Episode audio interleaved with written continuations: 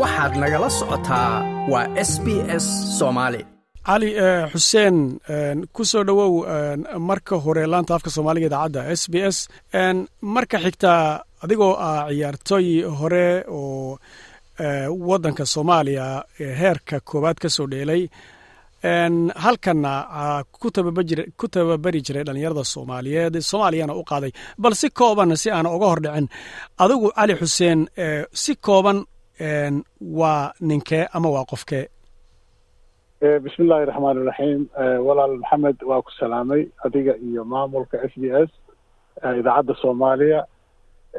Haddaan aan magacayga waa cali xuseen ku dhashay magaalada muqdisho ku barbaaray ciyaartaydii waxaan ka bilaabay degmada hodan ee magaalada muqdisho. Waxaan ciyaaray ciyaaraha heerka labaad siddeetan iyo shantii siddeetan iyo lixdii waxaan ciyaaray gobolka banaadir ciyaarihii gobollada isla siddeetan iyo lixdii heerka koowaad baan u saftay ilaa iyo aan qurbaha ka soo aaday siddeetan iyo sideedii waxaan ahaa ciyaartooy ka ciyaara qadka dhexe iyo qaybta difaaca. Soomaaliyana waxay ahayd wakti fiican oo qurux badan maxamed aad iyo aad inagoo ku jirnaa munaasabadda horta fifa world cup ah ee qatar ka socda labada kun iyo labaatan iyo labada gebagabadiisana haatan lagu sii siqayo.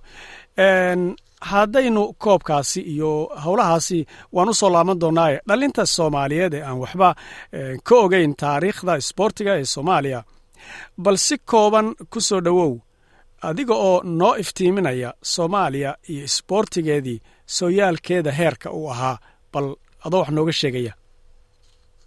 Maxamed walaal haddaan dib ugu noqdo soomaaliya ciyaarteeda kubadda cagta waxay lahaan jirtay toban kooxood oo heerka koowaad ah iyo toban heerka labaad ah iyo ciyaaraha gobollada oo la qabto sanadkiiba mar ciyaaraha degmooyinka gobolka banaadir oo ay ka soo wada baxaan gobollada iyo degmooyinka ciyaartooy matasha heerka koowaad ama labaad kadibna ilaa heer qaran ciyaara. Haddaan dib ugu noqdo kooxihii aan lahayn kooxo awood badan bay ahaayeen. Sida horseed jenyo wagad badda waxool madbacadda minishibiyo gaadiidka wagad. Macnaa kooxo awood badan bay ahaayeen oo weliba rag aada physically macnaha u dhisan jir ahaan marka aad macnaha aada fiiriso waktiga hadda dhalinyarada soomaaliyeed. Waxaa moodaa waktigaas inay jir ahaan aada u fiicnaayeen. Technica ahaanna ay waxla qaybsan jireen ciyaaraha africa soomaaliya waxay ahayd wakti qurux badan oo ciyaaraheeda loo daawasho tegi. Gartay gartay si guud ahaaneed haddaynu hoos u yar galno ma jirtaa haddaba guulo ciyaareed oo soomaalidu ay gaadhay koobab ay ku guulaysatay oo kale bilado ay qaaday adoo ku soo dhawaanaya haddaan dib ugu noqdo way jireen kaalimo fiican oo ay soo galeen waxaan xasuustaa koob ciyaartooyda labaatan jirada ka hooseeya ilaa toddobiyo tobanka oo ay kaalinta koowaad galeen. Waxaa jiray koobab kale oo africa ah oo aysan qaadin laakiin ciyaaro fiican ay soo bandhigeen. Ilaa carabtana waa laga jeclaa ciyaaraha soomaaliya ilaa africa waxaa lagu magacaabi jiray brazilsha africa maadaama ciyaar ahaan soomaalida dad aada u tikna ka fiican ay ahaayeen.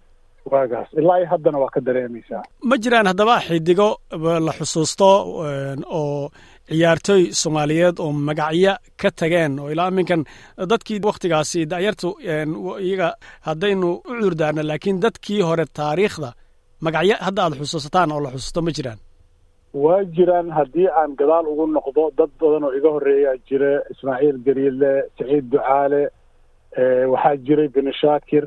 Haddaan gadaal waktigii dhexe u soo noqdo waxaa jiray muridi waxaa jiray kalifrico waxaa jiray nuur maxamed amiin. Ninka hadda ciyaaraha da'yarta macalinka u soo qaaday oo waktigeygii ahaa waxaa jiray ciyaartooy aanan af hadda soo koobi karin oo hal hal haddaan u tiriyo ilaa boqolaalo dhaafayo oo position walba macnaha hadday noqon lahayd afka hore dhexda iyo difaaca intaba. Iyo xasan sheekh aweys georgia nin la oran jiray oo ahaa bortieriga ama goolkiibarka ugu fiican africa ilaa carabtana laga soo dalbaday.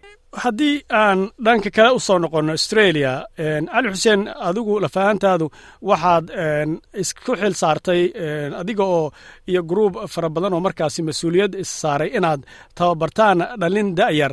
Aad soomaaliyana geysaan muddooyina aad ku celcelisaan oo ay soo dheelaan oo fursad ay u helaan inay waddankiina dadkii soo bartaan ciyaarana ay geeyaan iyadoo aan ogeyn waddamo kale oo dibaddana in ciyaaraha laga keeni jiray.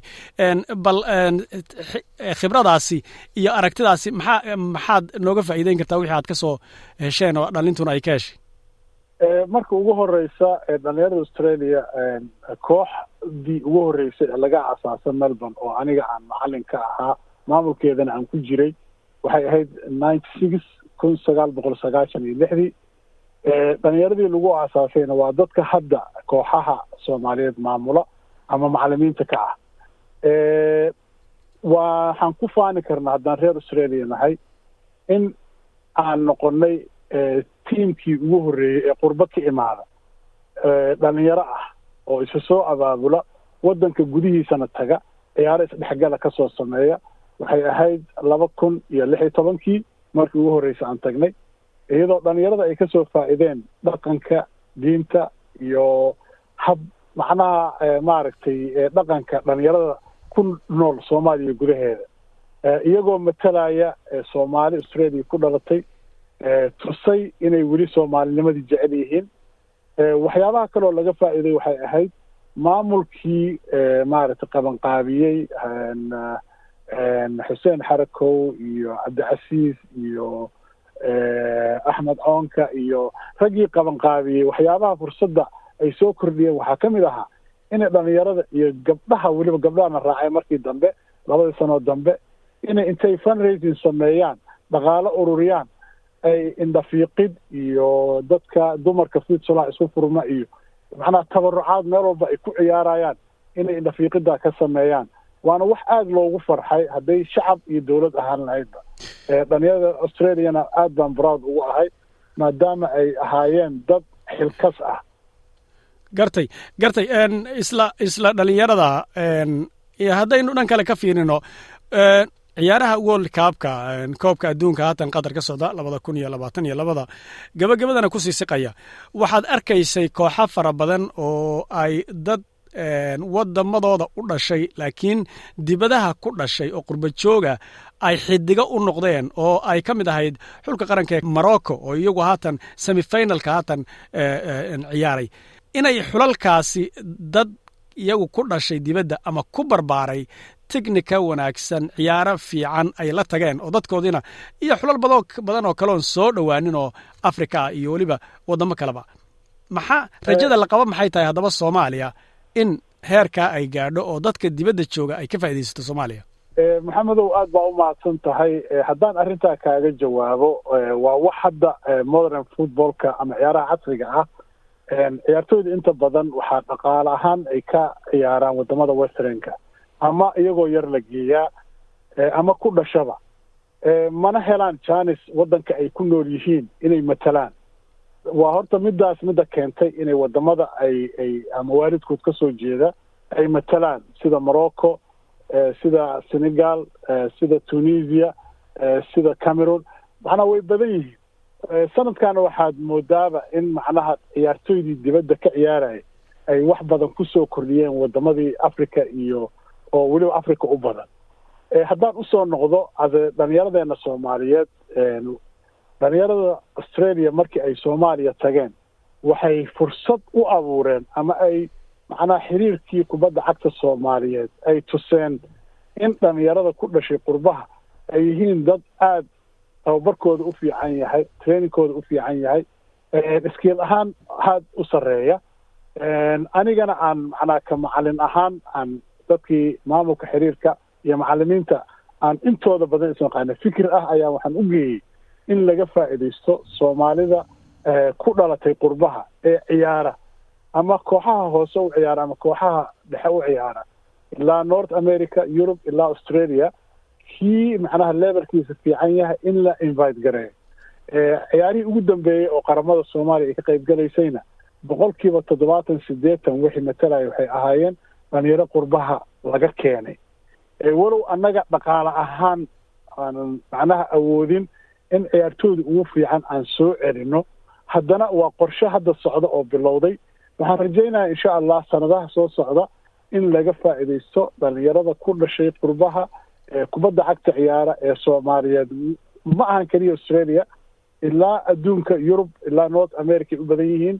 In insha allah ciyaartooy badan aan heli doono africana sida hadda sanadihii labadii sana ugu dambeysay ee loo arkay ciyaartooyda soomaaliya inay isbeddel fiican sameeyeen inaan isbeddelkaasna aan samayn doono mid ka fiican oo ilaa ay world cupka xataa aan rajaynayo inay macnaha isreereebkooda soo dhowaadaan haddii ilaah yidhahdo cali xuseen ugu dambaynta world cupka oo haatan isagu gabagabadiisa sii socdaa haddaad ku soo dhowaato su'aasha ugu dambaysa bal maxaad dareenna oo aad ka sheegi kartaa waxyaabaha isbedelay waxyaabaha ku cusub waxyaabaha dareen kale waxyaabaha xiisaha leh bal ku soo dhowow maxamedow haddaan aan taa wax kaaga faahfaahiyo ciyaarta kubadda cagta sideedaba waxaa macnaha dominate garayn jiray ama dadka ugu macnaha ugu awooda badan waxay ahaayeen yurub iyo south america.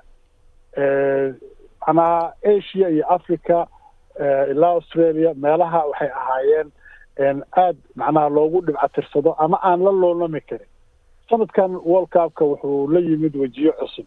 Maadaama hadda adduunka ciyaartooy kasta oo fiican oo ama tuulo africa ah ku dhashay oo ku nool oo ka ciyaara ama australia degan ama asia carabaha sacuudiga degan in ay janis ay u ciyaaraan kooxaha waaweyn ee yurub ka dhisan. Waana kooxaha ugu mishaarka fiican oo qaato dadka. Taa marka waxay faa'iido u samaysay ciyaartooydii africa iyo asia inay ciyaartooy fiican oo macnaha tababarkooda fiican yahay horumarkooda fiican yahay inay waddankoodii matalaan.